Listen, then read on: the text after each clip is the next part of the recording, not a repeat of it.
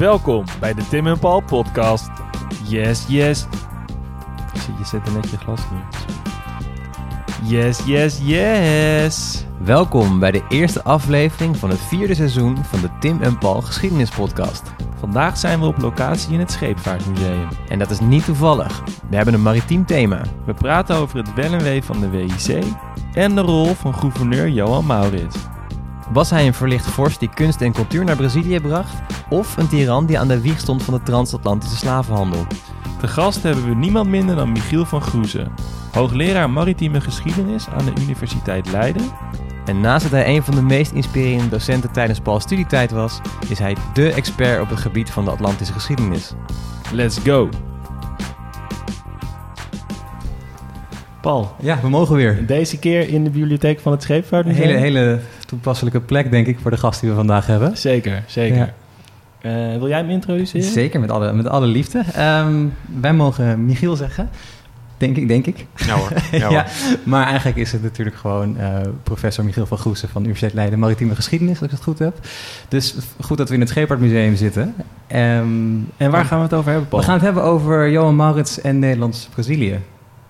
Oké. Je Nou, kijkt me heel verbaasd ja, aan, maar jij weet het ook van tevoren. We hebben hier contact over gehad. Ja. Dus, Maar waar gaan we beginnen? Wat is een, eh, een goede introductievraag? Ehm, ja, misschien is het dan goed om te beginnen bij de, de tijdsperiode. Dus Michiel, als je ons zou kunnen meenemen, ik denk begin jaren 20 van de 17e eeuw. En hoe, ja, wat, de WEC is net opgericht, 1621. En vervolgens is er een Nederlands-Brazilië.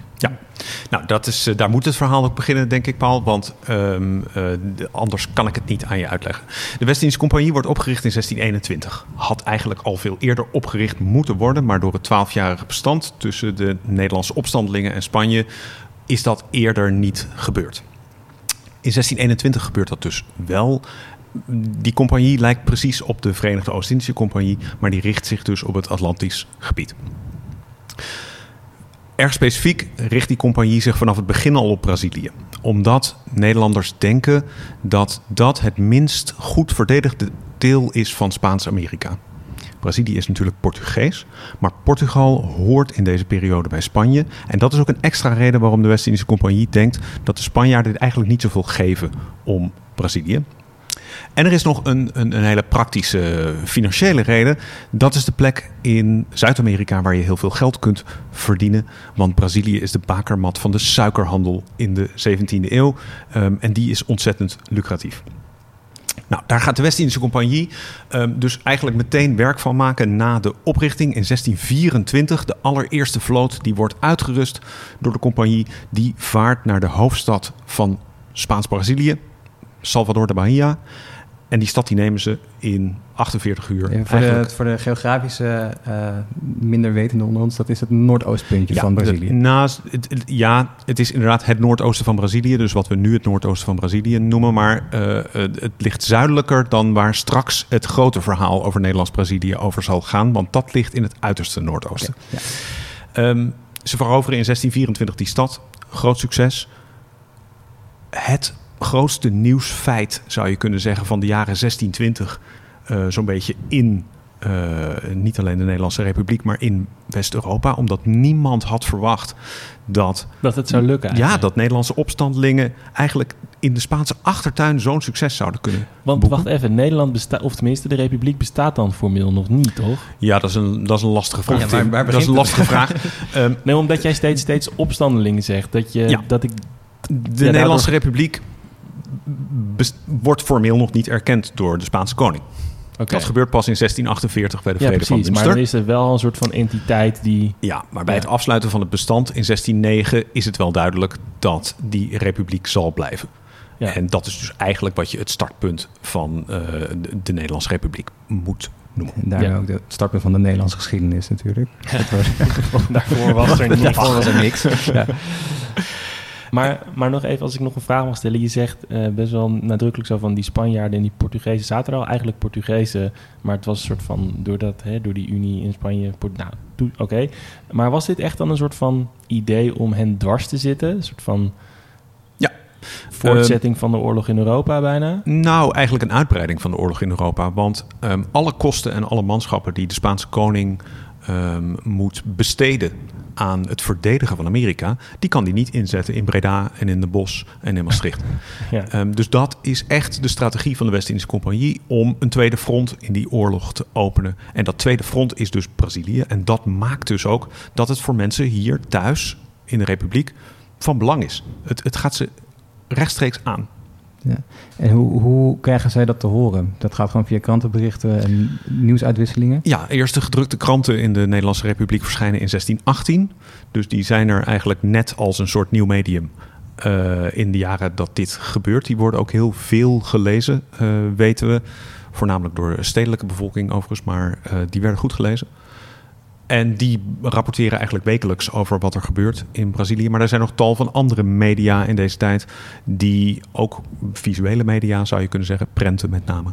ehm, waardoor mensen hier thuis kunnen zien wat er daar in Brazilië gebeurt. En de West-Indische Compagnie is er natuurlijk niet vies van om dat soms wat mooier voor te stellen dan het eigenlijk is. Want niemand kan het controleren. Ja, het is een heel eind weg. Als we elke week berichten... Er gaat niet elke week een schip of een konvooi terug, of is dat wel nee, zo? dus ze moeten het nieuws dat ze hebben ook een beetje uitrekken en in stukjes opknippen om er een soort feuilleton van te maken. ja. Ja, ja. Ehm, maar ze kunnen tegelijkertijd de zaken ook niet alleen maar mooier voorstellen dan ze zijn omdat er wel mensen terugkomen uit Brazilië, soldaten Mm. bijvoorbeeld, die ook echt aan hun familieleden en aan vrienden bijvoorbeeld vertellen hoe het daar werkelijk was. En dat kan natuurlijk niet al te ver weg liggen van het, Nee. het, het mooie opgepoetste beeld dat de West-Indische Compagnie van die eh, kolonie heeft. In één nacht de boel. Gemaakt. toch? Ja. Ja. Je ziet wel dat als er slecht nieuws is, dat dat heel schoorvoetend maar wordt eh, Yes. verteld. eh, hier thuis. Want in 1625 raakt de West-Indische Compagnie dus Salvador ook alweer kwijt. Dat, dat is dus in ongeveer een jaar later. Elf maanden Ja. daarna. Ja, dat gaat, gaat hard, hè? Ja. Ehm, en, en, en dat is zeker geen groot nieuws hier in Nederland. Wel in Spanje, uiteraard. Ja. Ja. logisch. Maar dan is het dus- dus een soort klein nieuwsberichtje tussendoor van... oh, trouwens. We zijn het weer kwijt. Ja, of... Ja, of er wordt gezegd, ehm, eh, maar weet wel dat we bezig zijn om eh, eh, toch nog eh, nieuwe campagnes te gaan ondernemen. iets dergelijks. Dus dan wordt de focus gelegd op wat er in de toekomst zal gaan gebeuren, maar niet zozeer op die nederlaag. Ja, want anders was het vandaag ook een korte podcast geweest, toch? Elf maanden. Elf maanden in Brazilië bedoel ik. Er zijn mensen die elf maanden op vakantie gaan naar Brazilië. En dat, ja. Het is echt een ontzettend interessante episode, Tim, van elf maanden. Maar eh, dus eh, je moet me niet pushen. Maar eh, ehm, het grote verhaal van Nederlands-Brazilië begint eigenlijk eh, vijf jaar later, in 1630. Dan, eh, heel even kort daarvoor, heeft Piet Hein de Zilvervloot veroverd. Dat Ja. betekent dat de West-Indische Compagnie weer genoeg geld in kas heeft... om nog zo'n grote expeditie uit te rusten naar Brazilië. En in februari 1630 over, eh overmeesteren ze de steden Olinda en Recife. Noordelijker ligt dat dus dan die plek waar ze zes jaar eerder zaten. En heette Olinda al Olinda? Olinda heet al Olinda, dat is een Portugese koloniale stad. Ik denk meteen aan Holland, maar dat is... Nee, dat- nee, heeft niets van elkaar te maken. Nee, ja. heeft niets oké. van elkaar te maken. Olinda heet al Olinda. Ehm, mm, en de Nederlanders bouwen hun stad daar eigenlijk in Recife, omdat dat het kustplaatsje bij Olinda is. En de Nederlanders zich veiliger voelen aan de kust dan eh, wat verder het binnenland in. Ja. En dat is toch sowieso een, een terugkerend thema... dat als er nieuwe steden worden gebouwd... of dingen worden, eh, nieuwe forten worden neergezet... dat is altijd aan de kust eigenlijk. Absoluut. Dus Ja, niet- dat zie je overal. Niet alleen in Manhattan bijvoorbeeld, waar Nieuw Amsterdam in deze periode ook wordt ehm, eh, gevestigd, maar net zo goed op, aan de Kaap of in de Oost. Want voor Batavia geldt eigenlijk hetzelfde. Je wil gewoon naar de schepen kunnen en de aanvoerlijnen Ja. houden. ja, Ja, en die steden zien er dus ook zo uit dat ze hun eh, muren, hun verdedigingsmuren, die zijn naar het land gericht. Ah, ja. Eh, want daar kan de, de, het verzet vandaan de woeste, komen. De woeste mensen uit het bos Ja, komen. Ja, Toch? dat en, en, en op het water hebben de, hebben de VOC en de West-Indische Compagnie eigenlijk niet zoveel te vrezen. Dat is ook nog wel een idioot detail inderdaad. Zo Ja, maar dat, dat bepaalt dus wel, hè, Tim, hoe ze ehm, hun locaties uitkiezen. Ja. Want eh, bijvoorbeeld Recife is dus echt een prachtige plek. Het is een, een, een, een rif, eh, een, een soort zandstrook voor de kust. Waar het water op heel veel plaatsen erg ondiep is. Dus je kunt het heel erg moeilijk vanuit zee innemen. Het is bijna de, de, de best, verdedigste, best verdedigde maritieme plek ter wereld in de 17e eeuw. Ehm, daarom is het ook zo'n zo'n zo'n schande en zo'n bron van schaamte dat de Nederlanders dat 25 jaar later weer verliezen. Ah, Want als je nu de geschiedenisboekjes erop nakijkt, dan zie je dat eh, de geschiedenis van Nederlands-Brazilië, zegt men, begint dus in 1630 met die verovering van Olinda en Recife. Ja. En eindigt in 1654 met het verlies van die steden aan de Portugezen. Oké. Maar is dat ook zo dan? Want Nou, daar zit dus een belangrijke episode voor in 1624, 25, waarvan jullie dus eh honend zeggen dat die maar elf maanden geduurd heeft. Nou, maar die is dus wel belangrijk. Maar ook wat gek. Wat is er toen gebeurd, Michiel? Ehm, nou, op dat moment is dus, is dus in, in, het, in, in de hoofden van mensen hier in de Republiek het zaadje geplant dat je ook daadwerkelijk een stuk van Amerika in kunt nemen. Ehm, dat die Spaanse vijand daar dus te verslaan is en dat dat ook daadwerkelijk lucratief is voor dat het opbrengst heeft voor de oorlog die hier gevoerd wordt. Want, want kwamen er toen ook al een soort van gouden bergen terug? Of was het vooral dat strategische belang dat die troepen niet in de Republiek konden vechten? Ja, het is vooral het strategische belang. En dat is misschien wel het grootste verschil tussen de West-Indische Compagnie en de VOC. De VOC is natuurlijk vooral op economisch gewin gericht. De West-Indische Compagnie op papier ook. Maar tegelijkertijd realiseert iedereen zich dat dat ook een oorlogsmachine is. Want je kunt in Noord- en Zuid-Amerika geen, eh, geen geld gaan verdienen als je daar niet eerst de mensen die daar al zitten, Spanjaarden en Portugezen, verslaat. Dat is ook een belangrijke ja. reden waarom mensen een beetje terughoudend zijn in het investeren in die West-Indische Compagnie. Ja? Want ze, ja, want ze snappen dat daar veel risico aan vastzit. Want het is ook nu toch een beetje eigenlijk dat zeg maar, de VOC, dat, ja, dat verandert nu wel, maar dat de VOC toch altijd nog een beetje bekend staat als, als de handelscompagnie en Nederlands-Indië. Oké, mis- misschien ook nu slavernij, dat, dat wordt nu bekend, maar de WIC heeft echt zo'n soort slecht imago, toch? Maar Ja. zeg je nou eigenlijk, mag ik dat hè, zo in, of Nou, samenvatten dat dat toen ook al zo was? Of? Nee, nee dat, dat bedoel ik niet echt. Maar eh, die, die West-Indische Compagnie heeft, een, heeft, heeft een, een, vooral een andere klank in de huidige Nederlandse samenleving dan de VOC, omdat we er eigenlijk niet zo gek veel van weten. Hm. En de reden dat we er niet zoveel van weten, is dat het heel slecht is afgelopen daar. Met heel veel bombarie is aangekondigd dat, eh, dat, dat van Brazilië een succes zou worden gemaakt. En uiteindelijk faalt dat hopeloos. En dat is een reden dat je eigenlijk al meteen in de jaren na de val van Brazilië ziet dat daar liever over gezwegen wordt. En dat daar niet zoveel meer over gesproken wordt. Dus daar begint het vergeten van Nederlands-Brazilië. En je zou kunnen zeggen, het begint het vergeten van de West-Indische Compagnie. Al. Ja. Dus ze zitten natuurlijk wel dan, en dat is natuurlijk totaal heeft niks meer met Brazilië te maken, maar een aantal jaar later wel nog steeds in Zuid-Amerika, maar dan richting Suriname. Ja, Suriname wordt in eh, 1667 ingenomen eh, tijdens de Tweede Engelse Oorlog door eh, de Republiek. En dat wordt ook in de tijd zelf voortdurend benoemd als een tweede Brazilië. Een, een, een kans om dat wat niet gelukt is in Brazilië nu toch nog te gaan verwezenlijken. Oh ja, ja. Dus, ze, hebben het er eigenlijk, ze, zijn het kwijtgeraakt na 25 jaar pak een beet. En van oké, we hebben het er nooit meer over. Ehm, of we willen het eigenlijk... Financieel ging het misschien niet goed. het- Militair was het geen succes. Maar toch is er iets met dat Nederland-Brazilië... dat er ook nog wel een soort puntjes zijn... waar we, waar, dat gaan we het natuurlijk nu over hebben... maar dat zijn dan een, een soort van de krenten uit de pap misschien. En dan heb ik, ga je Nou- richting Johan Maurits en de Ja. wetenschappers... en et cetera, wat daar naartoe gaat. Ja, nou, nou dat, dat is best een ingewikkeld verhaal om uit te leggen, maar ik ga het toch eventjes proberen. Ehm, als je nu spreekt over Nederlands-Brazilië en veel mensen weten daar eigenlijk heel weinig van. De mensen die iets weten van Nederlands-Brazilië, die zeggen onmiddellijk, ah, Johan Maurits. En dat is niet zo gek, want die staat natuurlijk in het brandpunt van de belangstelling als de stichter van het Mauritshuis Maar, ja. en als de, hè, een van de eerste mensen, een van de eerste pleitbezorgers van de transatlantische slavenhandel En nam toch ook allemaal kunstenaars in de Nederlandse geschiedenis. Ja, precies. En hij neemt kunstenaars mee en die kunst neemt hij ook weer mee terug naar eh, Europa. En schilderijen van de landschapsschilder Frans Post bijvoorbeeld, die vind je in elke zichzelf respecterende museumcollectie. Zoals waar we nu Eh, zitten. Net als hier in het Scheepvaartmuseum. Ik word aangekeken, Ja. maar...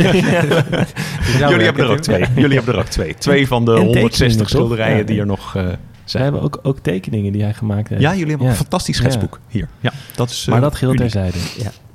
Ehm, Johan Maurits heeft dus, ehm, eh, dus zijn naam is synoniem geworden met Nederlands-Brazilië, maar hij heeft daar maar voor zeven jaar gezeten als gouverneur tussen 1637 en 1644. Dat is niet toevallig wel de bloeiperiode van Nederlands-Brazilië. Dat is dus de enige periode waarin er eigenlijk een beetje winst gemaakt wordt in die kolonie door de West-Indische Compagnie. Maar dat verhaal over Nederlands-Brazilië als het tweede front in de oorlog tegen Spanje is eigenlijk veel dominanter voor tijdgenoten dan Johan Maurits. Johan Maurits is pas later eigenlijk op een voetstuk gehesen um, door historici. En dan met name door historici in de 19e eeuw. Op een moment dat het Koninkrijk der Nederlanden op zoek is naar een soort gemeenschappelijke identiteit. Naar helden toch ook gewoon, ja, of niet? Ja, misschien ook wel naar helden. Maar, maar die gemeenschappelijke identiteit ligt in de 19e eeuw heel duidelijk in de familie van Oranje-Nassau. Ja. Dus dat is de figuur die er dan wordt uitgelicht. Dus wanneer je 19e eeuwse studies leest over Nederlands-Brazilië, dan gaat het bijna uitsluitend over Johan Maurits. Wat voor 17e eeuwers heel erg raar zou zijn geweest. Want daar ging het om de, om de WIC, toch? Ja, daar gaat het, om, daar gaat het om, om de compagnie en om de oorlog die daar gevoerd wordt. Um, daar is het verhaal eigenlijk veel breder. Je, zegt net, er wordt gezocht naar uh, mensen die dan te maken hebben met de familie van, hoe, van Oranje. Van hoe ver is Johan Maurits verwijderd? Van welke zijtak is dat van? Oh, daar moet ik altijd even nadenken. Ik weet niet hoe, moet ik altijd even nadenken, want dat is altijd ingewikkeld. Want uh, het is, het is geen directe je, lijn. Voor je het weet zeg je het verkeerd. Ja. Um, hij is een neef van stadhouder Maurits.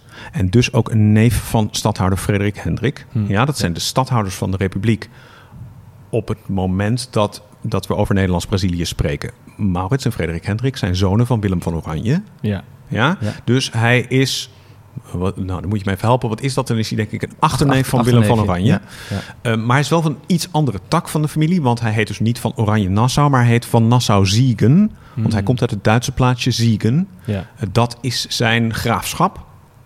Uh, maar dat hoort dus wel bij de Nassau-familie. Oké. Okay. En hij wordt naar Brazilië gestuurd vanwege zijn familieconnecties. Wat gaat hij daar doen? Hoe komt hij in die positie ook, toch? Want, uh, ja. Nou, dat zijn, dat zijn twee verschillende vragen, ja, maar ja. ik zal toch proberen om ze alle twee te beantwoorden.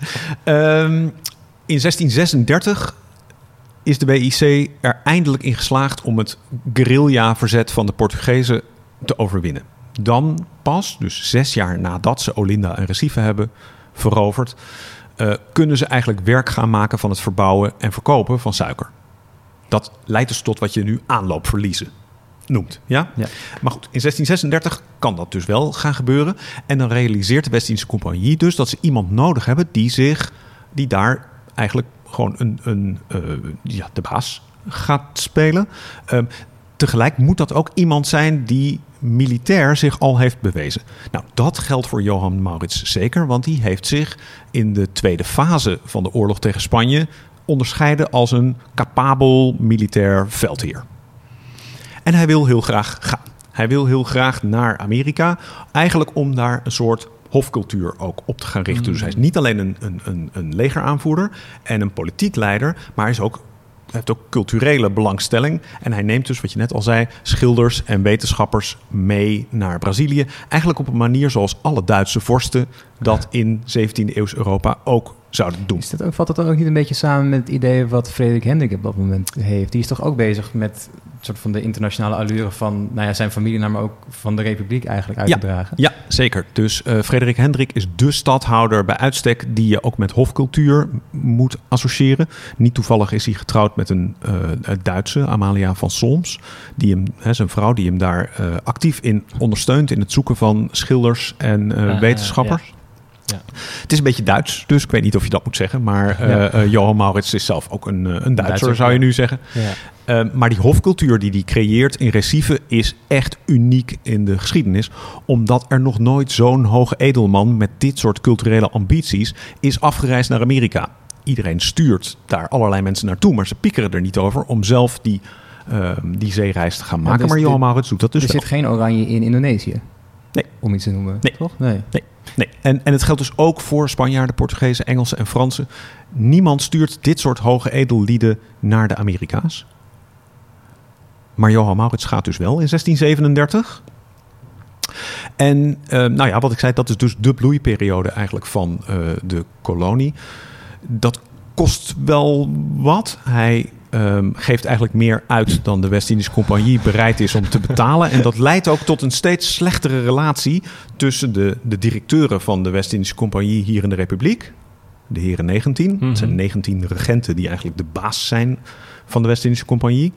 En Johan Maurits, die strikt genomen bij hen in dienst is. Ja, dat wilde ik net vragen. Hij is, hij is namens zo de. WIC, is Jazeker. niet namens de Staten-Generaal of iets dergelijks. Hij- Nee, namens de West-Indische Compagnie. Hij krijgt natuurlijk wel een vorstelijk salaris, want dat heeft hij wel bedongen. Maar alsnog is dat eigenlijk niet genoeg voor de ambities die hij daar heeft. Een, een, een mooi voorbeeld is dat hij wil graag een brug aanleggen van Recife, wat dus op die, die, die Mhm, ja. zandstrook ligt, naar het vasteland. Waar hij een stad heeft gesticht die hij Mauritsstad heeft genoemd. Naar zichzelf ja. genoemd uiteraard, Ja. niet, naar zijn, eh, niet naar stadhouder Maurits. Ehm, en die brug, dat is duur en dat is ook, ook technisch is dat een ingewikkeld project. En die heren 19 hier in de Republiek, die hebben eigenlijk volstrekt geen zin om daarvoor te gaan betalen. Dus het is ook een beetje een prestigeproject. Eh, uiteindelijk komt die brug er wel, maar het is een voorbeeld van, ehm, van, van waarom de relatie tussen Johan Maurits in Brazilië en de heren 19 hier in de Republiek eigenlijk steeds meer verslechtert.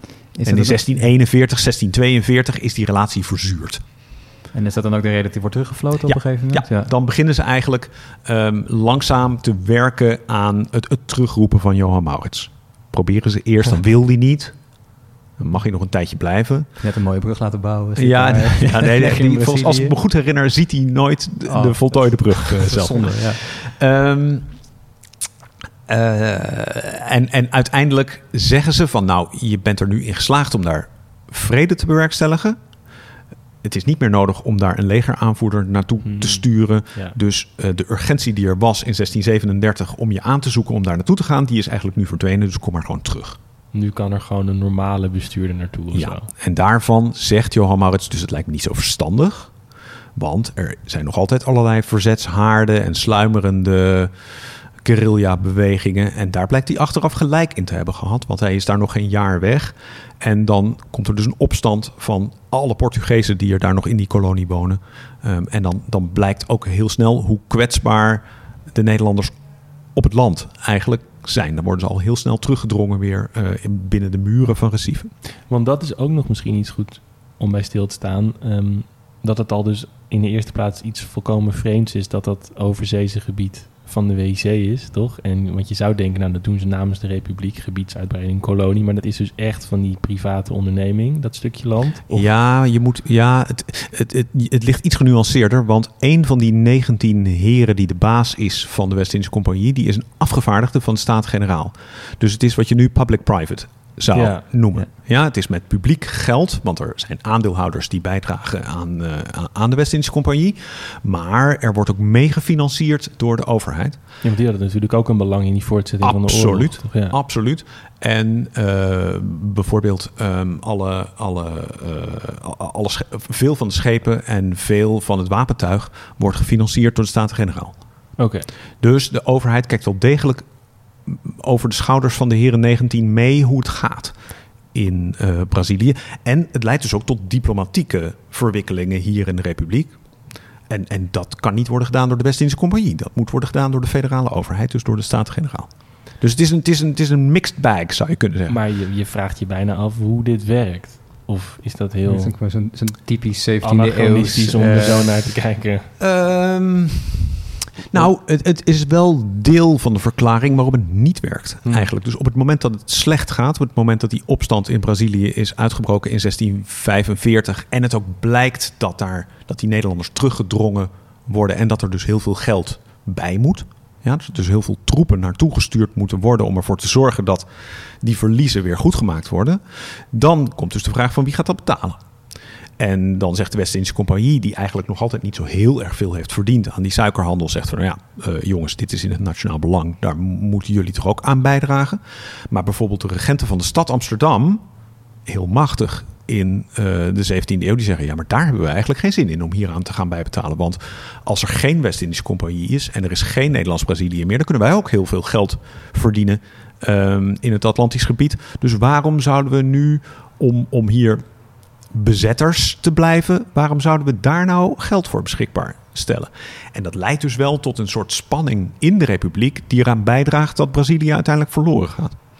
Het is toch wel leuk dat Amsterdam toch vaak dan een mening heeft die misschien niet per se handig is voor nou ja, de, de ambities. Ja. En de, het is vrij laat overgegaan in, bij, de, bij de opstand. Er zijn nu ook zijn ze van, nou ja, het kost ons te veel geld, dus laat maar zitten. La- Laat die Portugezen maar terugkomen, dan kunnen we daar gewoon mee gaan handelen. Ja, en, en enerzijds geldt dat ze eh, al, al vanaf het begin van de jaren 30, dus op het moment dat het nog goed gaat met Brazilië, zijn ze intern, politiek in de wandelgangen de boel al een klein beetje aan het ondermijnen. Dus dat is niet zo netjes.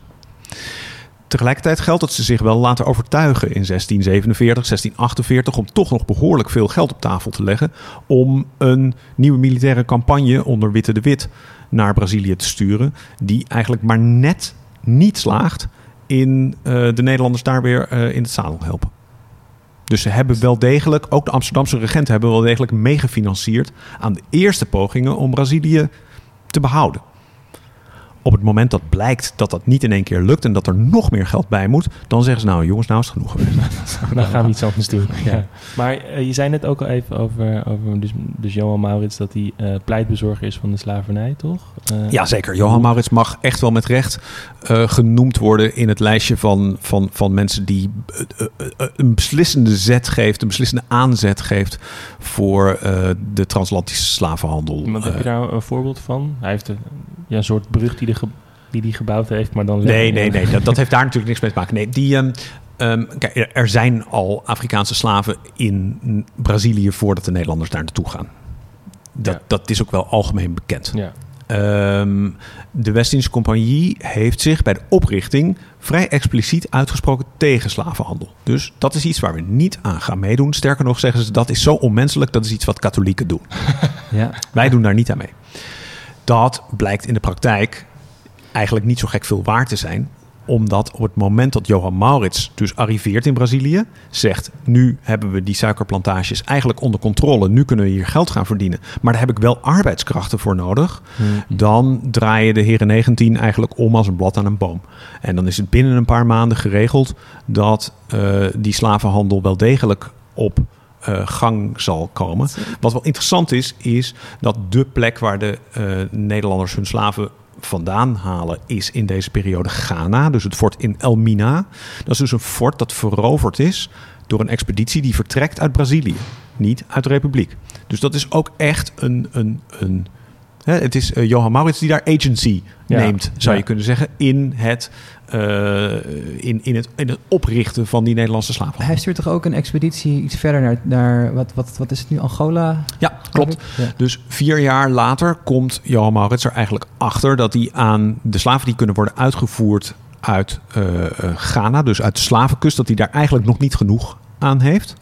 En dan verovert hij ook Luanda, dus nu nog de hoofdstad van Angola, dan in handen van de Portugezen. Eh, omdat dat het grote slavendepot van eh, de West-Afrikaanse kust is. En dat betekent dus dat eh, de Nederlanders slagen erin om dat te veroveren in 1641. In 1648 verliezen ze dat alweer aan de Portugezen. Maar in die zeven tussenliggende jaren zijn de Nederlanders dus feitelijk monopolisten in de transatlantische slavenhandel. Heb je enig idee uit je hoofd ja. over hoeveel mensen dat gaat, dat trans, die transporten in die zeven jaar of in die... Eh, ja, dat is vrij nauwkeurig uitgezocht. Dus eh, voor de hele periode van Nederlands-Brazilië, dus zeg maar tussen 1630 en 1654, dus de periode dat ze daar in Olinda en Recife zitten, zijn er ongeveer 31.000 Afrikanen aan boord van Nederlandse schepen naar Brazilië gebracht. Dat is toch best veel voor een bedrijf wat in basis zegt we doen niet aan slavenhandel. Ja, dat is veel. En tegelijkertijd eh, het algemene. er zijn door Nederlandse schepen in totaal in de 17e en de 18e en ook nog begin van de 19e eeuw eh, ruim 600.000 eh, Afrikanen naar de Amerika's getransporteerd, onvrijwillig. Ehm, dus daarbinnen is die 31.000 is eigenlijk weer niet zo'n heel erg groot aantal. Eh, dus die slavenhandel is vooral eh, voor eh, de, de doorverkoop van slaven vanaf Curaçao door de West-Indische Compagnie en later door de Middelburgse Commerciecompagnie aan Spanjaarden, Portugezen, Engelsen en Fransen. En een klein beetje aan Nederlandse plantagehouders in Suriname, bijvoorbeeld.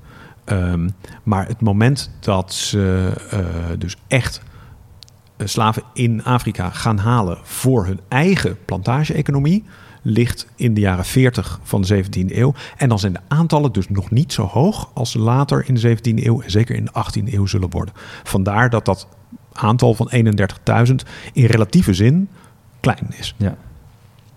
Maar ik, ik vind... Maar, ja, maar de, de het is oorsprong... wel heftig. Absoluut. dat En de oorsprong, en het is absoluut zo, dat de oorsprong van de Nederlandse slavenhandel ligt dus bij Johan Maurits en ligt in Nederlands-Brazilië.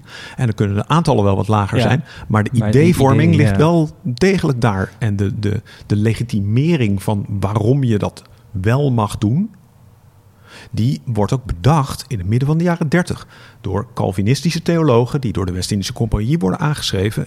En de, de compagnie zegt: jongens, kunnen jullie eens met de Bijbel in de hand gaan legitimeren waarom we wel mensen mogen transporteren En naar kan je daar een voorbeeld van geven? Dat was, ja, maar ook, ook dat het zo'n directe vraag was echt. Zo van dat ze het moesten legitimeren. Niet zo van, dat is langzaam Agenda punt veranderd. 1 bij de, Ja. bij de aandeelhoudersvergadering. Ja, in zekere zin werkt het wel zo. Juist omdat ze bij de oprichting van de compagnie, dus in de jaren 1620, de moral high ground hadden gekozen. Zo van, hè, dit, dit doen we niet, dat doen Dit is te katholieken. laag, ja. Ja, dan moet je toch eh 14 jaar later gaan uitleggen waarom je bij nader inzien hebt besloten om toch aan die inhumane handel mee te gaan doen. Dus ze hebben wel degelijk een soort legitimatie daarvoor nodig. Nou, in de 17e eeuw zoek je die in de Bijbel.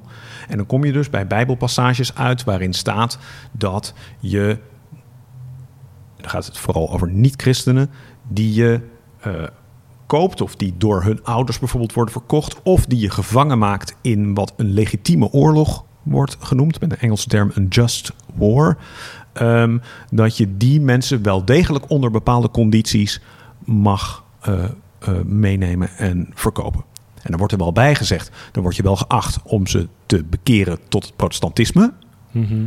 Maar daar stopt de West-Indische Compagnie eigenlijk al vrij snel mee, omdat de volgende stap in die redenering is dat als het goede Calvinistische gelovigen zijn, dan moet je ze ook vrijheid geven. En Ja. dat wil de West-Indische Compagnie Ja, natuurlijk dat niet. is medechristenen eh, tot slaaf houden, dat is natuurlijk... nee, Ja, Ja, dus, dat, dus, dus dat, is, dat is een beetje ideologisch is dat te schipperen. Het is een beetje wankel inderdaad, toch? Eigenlijk, ja. Ja, en daar wordt ook wel degelijk in de jaren 1640 en 1650 in de Nederlandse Republiek eh, eh, is daar kritiek op. Dat is, in- het, in- het is moeilijk om dat Ja. te vinden, omdat dat ook al in de tijd zelf een klein beetje onder het tapijt wordt geveegd.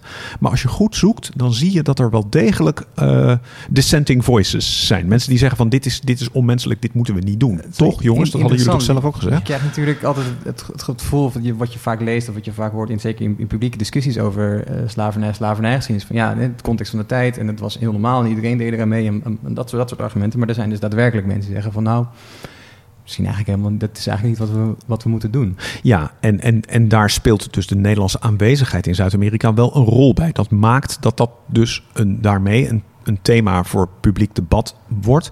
Want je ziet wel dat vanaf de jaren 1660, 1670... dat die Afrikaanse slaven wel degelijk door Nederlandse schepen worden getransporteerd... over de Atlantische Oceaan, maar vervolgens niet aan Nederlandse plantagehouders worden Mm. verkocht. Dat daarmee het maatschappelijke relevantie van dat onderwerp afneemt. Juist. Ja? Eh, Ook omdat het dan natuurlijk gewoon al staande praktijk is. Er hoeft niet meer naar een legitimatie te worden Nee. gezocht, want er wordt al veel geld in verdiend in die slavenhandel. Dus dan is het als maatschappelijk debat is het ook niet meer urgent, zou je kunnen zeggen. Dat speelt zich allemaal af in die periode van Nederlands-Brazilië. Dat is waar het, waar, waar het wringt. Dat is het moment dat, dat er, snappen ook mensen die er tegen zijn, dat er nog wat te winnen valt. En, en we hebben het nu over dat maatschappelijk debat. Hè? Ehm, waar ik me wel, wat ik me wel eens afvraag is... hoeveel mensen neemt zo'n stad als Amsterdam in de 17e eeuw... Ik kan me dat zo voorstellen. Schepen hier op de reden, allemaal prachtig. Hoeveel mensen in die stad waren hiermee bezig? Hoe, hoeveel mensen hadden door wat er gebeurde over zee? En bijvoorbeeld mensen die zo'n krant lazen eh, met nieuws uit dat gebied... hadden die dan ook door van... nou, goh, daar gebeurt dat ook? Ja, want dat staat er wel vrij expliciet in. Dus eh, wanneer Elmina wordt veroverd in 1637 en wanneer Luanda wordt veroverd in 1641, dan is het echt alle lezers wel duidelijk dat dat gaat om slaventransporten. Dat, dat, dat, dat is de reden waarom je geïnteresseerd bent in die, in die handelsposten op de West-Afrikaanse kust. Dus dat weten ze wel. Die vraag over hoeveel mensen dat nou weten, die is eigenlijk gewoon niet te beantwoorden. En iedereen die zegt dat hij dat wel weet, die, die, nou, die, dat, dat, want het bronnenmateriaal is er gewoon niet Nee. voor. Maar dan moet je dus heel, eigenlijk bijna wiskundig daarover gaan praten. In Amsterdam, in een stad als Amsterdam, wonen rond 1650 wonen, wat is het, 150 tot 200.000 mensen. Ja? Daarvan kan ongeveer de helft lezen. We hebben het over 70.000 mensen. Die lezen niet allemaal de krant iedere zaterdag. Sommigen daarvan lezen die krant misschien wel, maar lezen dan de berichten over het Atlantisch gebied niet. Ja. Zoals wij nu in de krant ook sommige stukken niet lezen, maar andere ja, overslaan, ja, ja. sport, sport staan we altijd over, precies.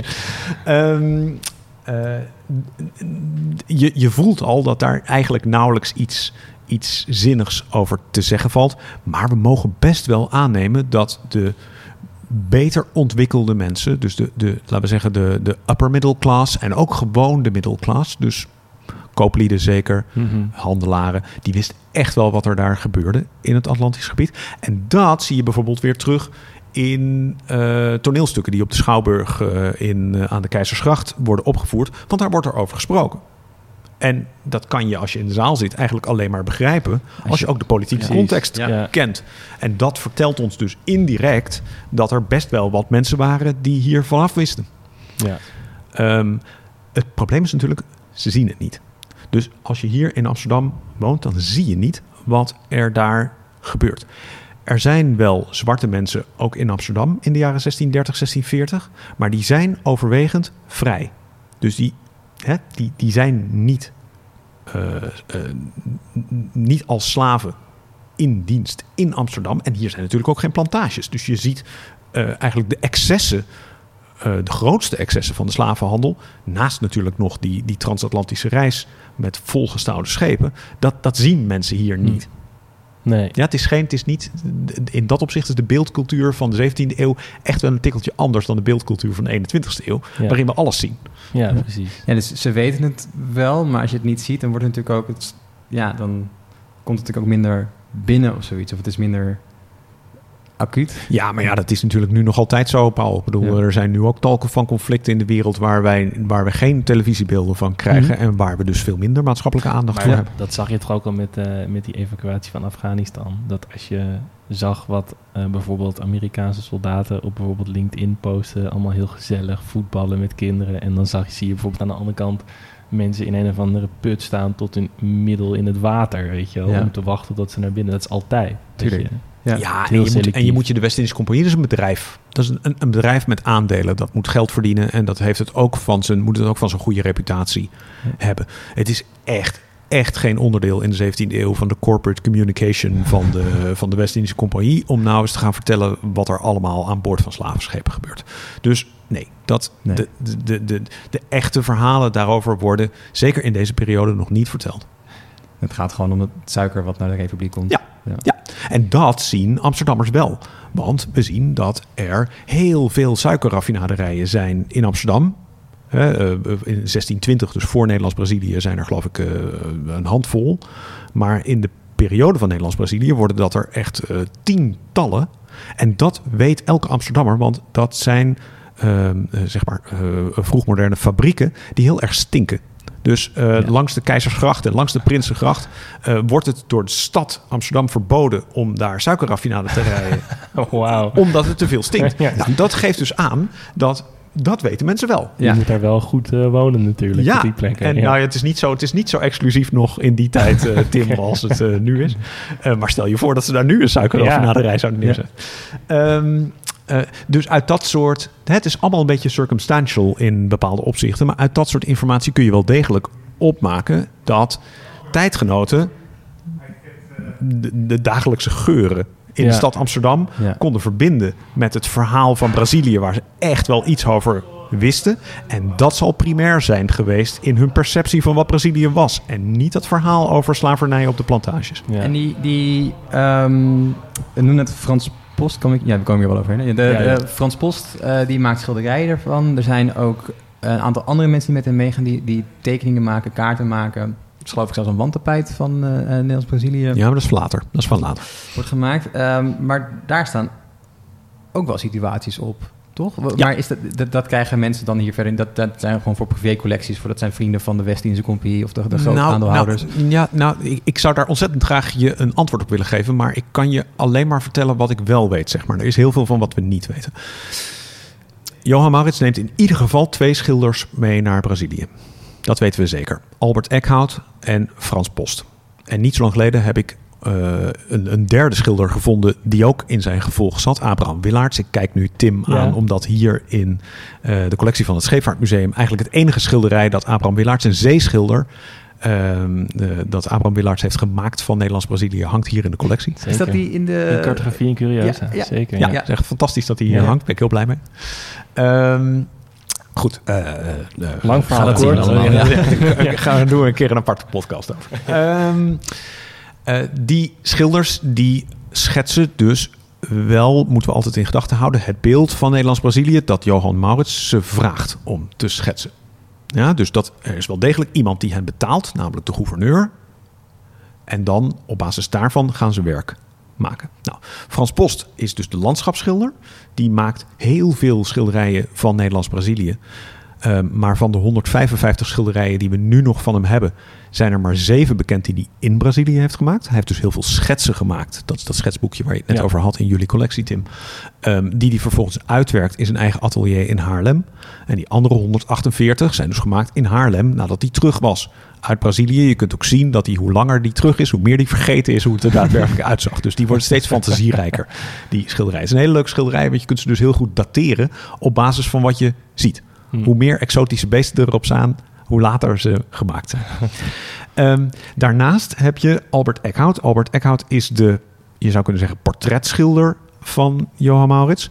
Die heeft acht meer dan levensgrote eh, panelen gemaakt van inwoners van Nederlands-Brazilië. Uit mijn hoofd zijn dat een, telkens twee paren, man en vrouw.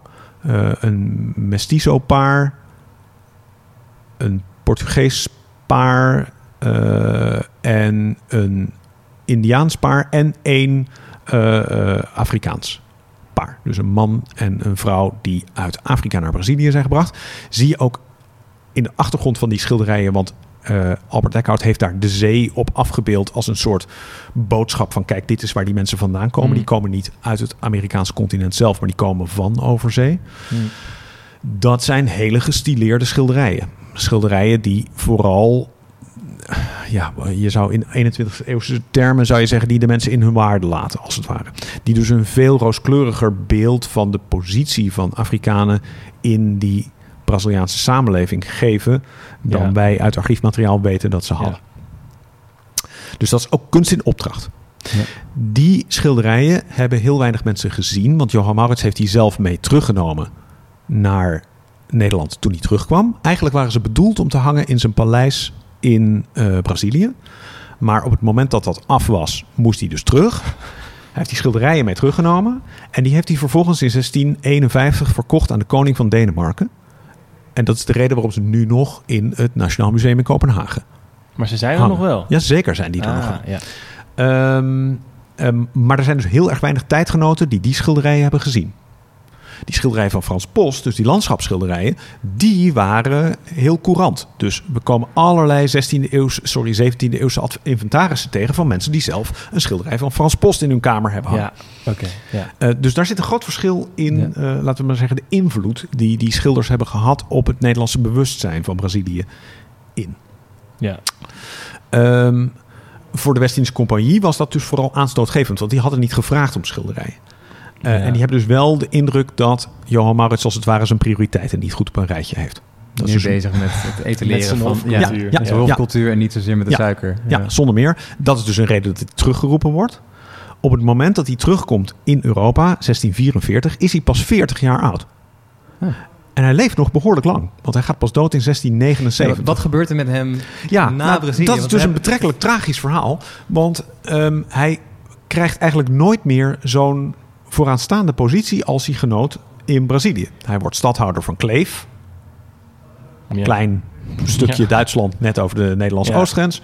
Ehm, hij doet hard zijn best op het moment dat Frederik Hendrik overlijdt en daarna al heel snel diens opvolger, stadhouder Willem II, overlijdt, Hmm. denkt Johan Maurits, nou dan kom ik misschien wel in aanmerking voor het stadhouderschap van de Republiek. En in plaats daarvan kiest de Republiek ervoor om helemaal geen stadhouder Ja, te benoemen. Dus je Johan en Cornelis. Ja. krijg je de wit. Ehm, dus daar, daar, dat, krijgt hij niet. De reden dat hij die schilderijen verkoopt of weggeeft eigenlijk aan eh, de Deense koning... is dat hij hoopt om daar gunsten van te Mm, krijgen. Dus dat hij hoopt dat hij daar een mooiere positie van krijgt. Zo geeft hij nog meer spullen die hij uit Brazilië heeft meegenomen weg aan andere Duitse vorsten van wie hij ook favors ja. verwacht, zeg maar. En dat lukt allemaal niet zo goed. Dus hij krijgt dat allemaal niet. Hij blijft stadhouder van Kleef. En dat blijft hij tot zijn dood. Dat is ook de plek waar hij begraven is. In Kleef, waar je nu zijn graf nog kunt zien en zijn hof dat hij daar heeft aangelegd vervolgens. En het Mauritshuis dan? Ja, het Mauritshuis, dat is, eh, dat is dus naar hem genoemd. Hmm. Dat, Naar Johan Maurits genoemd, niet naar eh, Maurits. Eh, dat is zijn stadspaleis in Den Haag, als het ware. Wordt al gebouwd met, in, in de tijd dat hij zelf in Brazilië zit, door de broer van de schilder Frans Post, de architect Pieter Post. Hm. Hij laat dat bouwen eigenlijk om zich op die manier ook overdrachtelijk een plaats in het midden van de Nederlandse politiek te, te. Binnenhof. Ja, Ja, ja, ja, echt- ja. En, en naast eh, een vergelijkbaar huis van Constantijn Huygens bijvoorbeeld, weet je, de secretaris van Frederik Hendrik. Dus da- dat heeft een hele duidelijke politieke functie. En omdat dat niet lukt, omdat hij dus in de Nederlandse Republiek geen hoge functie krijgt, maar in Kleef, is dat Mauritshuis vooral in de 17e eeuw een plek waar zo nu en dan feesten en partijen worden georganiseerd. Maar dat dus niet de politieke uitstraling krijgt waar Johan Maurits zonder meer op had gehoopt. Hmm. Toen hij Ja. eh, het, eh, eh, het liet bouwen. het is wel een beetje een treurig verhaal inderdaad. Van die man. Ja, of we, of we veel medelijden moeten hebben met Johan Maurits, weet ik niet hoor, Tim. Ehm, eh, hij had een nog goed steeds, leven. nog steeds stadhouder van Kleef Ja, met toch, stadspaleis, weet je, zo et van cetera. hij, zeg maar dat, dat eh, gouverneurschap toch in, eh, in Brazilië, dat lijkt een soort van stap om nog een, een, een stap daarna te gaan zetten op Ja. de maatschappelijke Ja, en die komt er dus niet. Ja. Ehm, er is heel kortstondig sprake van in 1648 dat de West-Indische Compagnie toch weer bij Johan Maurits uitkomt om, als, om terug te gaan naar Brazilië. Om daar zeg maar orde te scheppen in de chaos die is ontstaan na zijn vertrek. Mhm. Daar weten we niet zo heel veel over, maar het lijkt wel vrij duidelijk te zijn dat hij daar toch ook niet op zit te wachten. Dus dat hij ofwel inschat dat hij daar niet zo meer zal kunnen stralen als in die periode dat hij daar al zeven jaar is geweest. Of dat hij eigenlijk reële hoop heeft dat hij in Europa iets beters kan krijgen. ja. Hij wordt dus ook tot zijn dood nog Johan Maurits de Braziliaan genoemd. Dat is dus een, een, een benaming, een soort bijnaam die hem ook in de tijd zelf aankleeft. Maar, maar, En maar wordt dat dan gezien dat iets positiefs? De Braziliaan, zeg maar? Ik kan me ook nou, ik denk dat het vooral een term is ter onderscheiding van andere Alle eh, mensen. van de- ja, maar ehm, het geeft vooral aan dat hij daarna nooit meer iets nog hogers Ja, heeft precies. Het blijft een beetje een soort van, oh ja, van Ja. Brazilië toen. Ja, en tegelijkertijd blijft hij Brazilië wel vermarkten, zou je kunnen zeggen. Want eh, hij speelt nog een belangrijke militaire rol in het rampjaar. Hm. Dan eh, helpt hij de Republiek als een van de meest ervaren legeraanvoerders om toch de Fransen terug te dringen. Dus hij speelt nog wel een rol in de Nederlandse geschiedenis. Ehm, en vervolgens speelt hij een, een, zeg maar, een rol als cultureel diplomaat. Door weer vriendjes te worden met Lodewijk XIV, de zonnekoning. Door hem een heel groot aantal schilderijen van Frans Post te schenken. Dat verklaart Weer die waarom schilderijen het Louvre, aan- ja. het Louvre heeft dus nu de meeste schilderijen van Frans Post ter wereld. Komt omdat Johan Maurits ze aan Lodewijk XIV heeft geschonken als een soort cultural diplomacy. Om weer vriendjes te worden met de wisselgeld, Fransen. Laat Maastricht met rust, dan heb je hier wat schilderijen. ja. ja. Ik zou het dan ook wel weten. tuurlijk, ja. Simpel, ja. Nou, Ja. als, je, als je er een beetje oog voor hebt, als je ze de eerste keer ziet, die schilderijen van Frans Post, dan denk je, nou, heb je er één gezien, heb je ze alle 155 gezien. Eh, maar ze zijn eigenlijk allemaal best leuk. Dus, en eh, als de vuistregel is, hoe meer dieren erop staan... of hoe gekker de dieren eruit zien... hoe later het in zijn, eh, in zijn carrière is. Ja, ja, dus de eerste, de, de, die zeven die hij in Brazilië heeft gemaakt, die zijn eigenlijk vrij saai. Die zijn wat grijziger, die zijn niet zo exotisch qua, qua Mm. kleurgebruik. Ehm, eigenlijk zijn die dus mooier, vind ik. Ja. Omdat die zijn echt een soort visuele documentatie Ja, van wat hij op dat moment zag. Ehm, we weten ook dat uit archiefmateriaal dat Frans Post eh, aan de drank raakte eh, na terugkeer eh, uit Brazilië. En er wordt dus ook wel gezegd dat hij zo dronken was dat zijn herinnering aan Brazilië sneller vervaagde dan dat bij andere schilders het geval zou zijn geweest. Ja. Ehm, Maar waarschijnlijk toch ook wat je zei over die wilde dieren. Zo van eh, hoe meer wilde dieren, hoe later. Ehm, of ze, zeg maar eh, exotische dieren. En dan heeft hij natuurlijk ook allemaal boeken erbij gehad. Printen, tekeningen of niet. Dat Ja, dat denk ik wel. Nou ja, je weet misschien nog wel dat er een paar jaar geleden is er een schetsboekje van Frans Post teruggevonden Ja. in het Noord-Hollands Archief. ja. Eh, wat heeft geleid tot een kleine tentoonstelling in het Rijksmuseum. Dat is dus zo'n schetsboekje wat er zeg maar een counterpart is van dat, dat ding dat jullie hier Ja. hebben liggen in de collectie. Maar dat, daarvan kenden we het bestaan tot een jaar of vier geleden niet. En daar blijkt dus wel uit dat hij heel veel schetsen heeft gemaakt van dieren die je later vervolgens dan wel op bepaalde doeken kunt Ja, aanwijzen. precies. Dus hij heeft dat wel degelijk voor een deel gedaan op basis van zijn eigen schetsen. Ehm, maar het is duidelijk dat die composities steeds frivoler worden met ruïnes van katholieke kerken die overgroeid zijn door tropische planten en dergelijke. Oh, ja. en, en dat, weet je, dat, dat is zeker niet het, het Nederlands-Brazilië waar Johan Maurits hem destijds voor betaalde om dat in Dat- beeld te brengen. Ja. Ja. Paul, ik kijk naar de tijd. Ja. Dat Mag ik- mijn mag ik nog een laatste- opmerking. laatste ja, ja, vraag zeker. Maar de professor is vind, erg druk. ja, dus eh, we moeten op de tijd letten. Heb jij enig idee hoe er in Brazilië naar Johan Maurits wordt gekeken?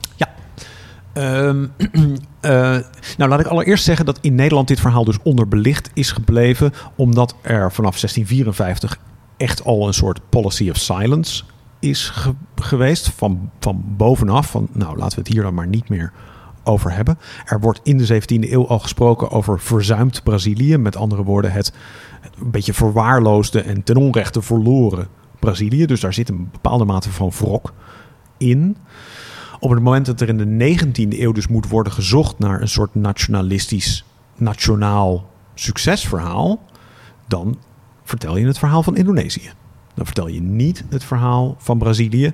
Met uitzondering dus van wat ik net zei, het, het, het verhaal van de, de telg van de Oranje-Nassau-familie, die daar dan de scepter heeft gezwaaid. ja, precies, ja, ja. Dus dat, dat deel is dan wel overgeleverd als het ware. Maar we kunnen echt gerust zeggen dat aan het begin van de 20e eeuw vind je het verhaal van Nederlands-Brazilië niet echt meer in schoolboeken terug. En, en, en, ja, en, en zo is het dus verdwenen uit de samenleving, zou je kunnen zeggen. In Brazilië is dat verhaal heel anders. Om een aantal redenen. En die redenen die zijn ook nog met elkaar in tegenspraak. Dus dat is, dat is best ingewikkeld. In eerste instantie eh, wordt Johan Maurits daar herinnerd als een verlicht vorst.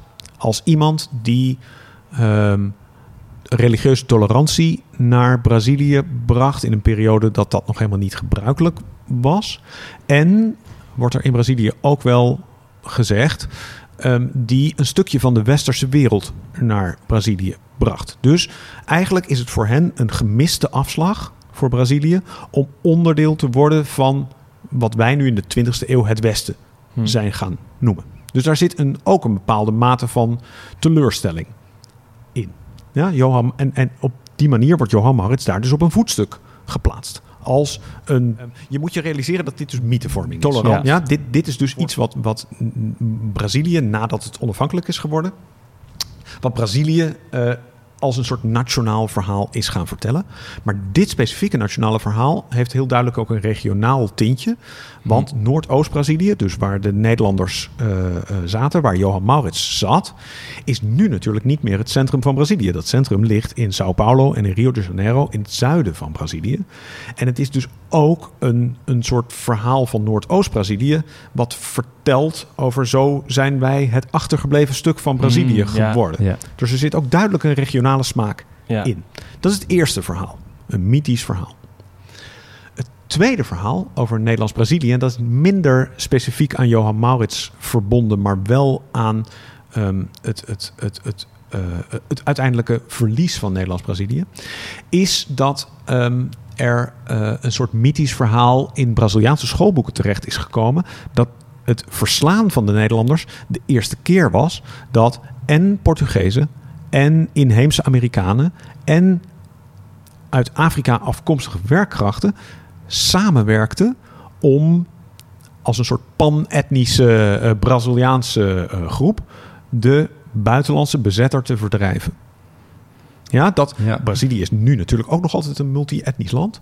En, en dat verhaal, die mythe, die ook zorgvuldig is geconstrueerd in de 19e eeuw, die doet het in Brazilië nog altijd heel goed, omdat je daarmee een soort alle, alle verschillende etniciteiten en bevolkingsgroepen eh, eh, medeplichtig geeft. maakt, Ja. als het ware, aan, aan, het, aan het Braziliaanse nationale succesverhaal Ja, die twee dingen, die, die, die horen natuurlijk niet bij elkaar. Die zijn met elkaar in tegenspraak. Je kunt niet en een verlicht vorst hebben die eh, een, een, een route naar de westerse wereld bood.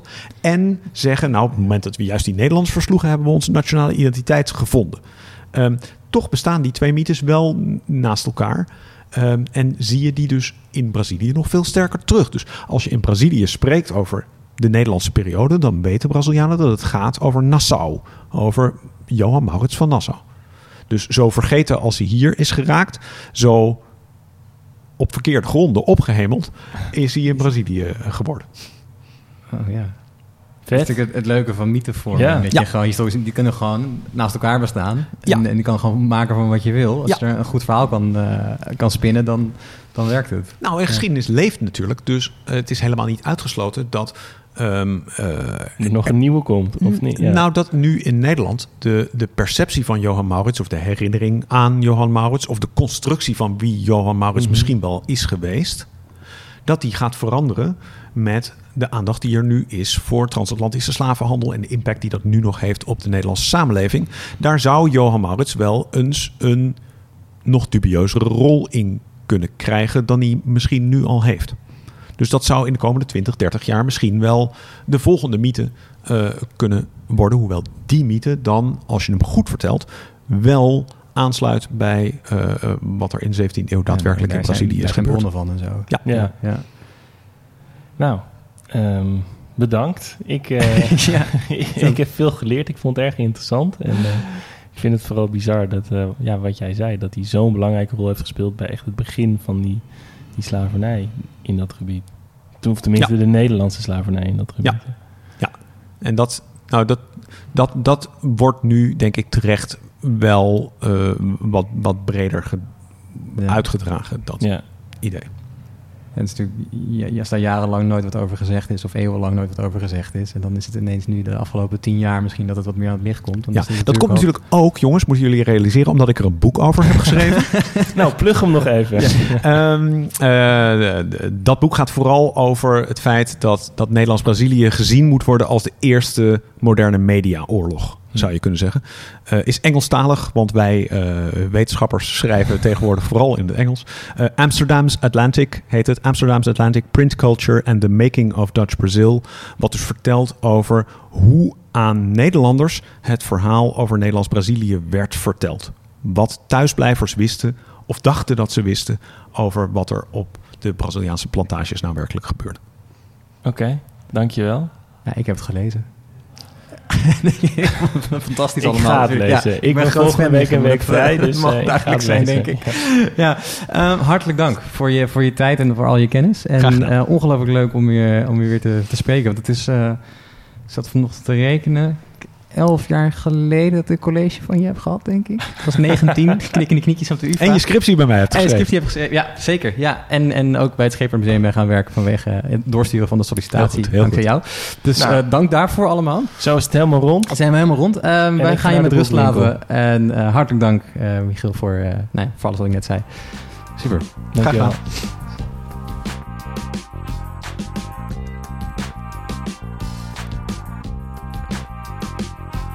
Vond jij dit nou een interessant verhaal en wil je meer over geschiedenis weten? Hou dan onze Instagram in de gaten. We zouden het ook heel leuk vinden als je een recensie achterlaat. 5 sterren, mag gewoon. En heb je nou een vet idee waar we het over kunnen hebben? Slide dan in onze DM's. Durf gewoon te vragen. Tot de volgende. Groetjes thuis.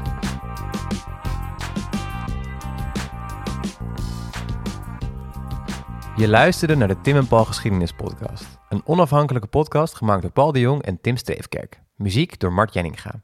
Alle rechten voorbehouden.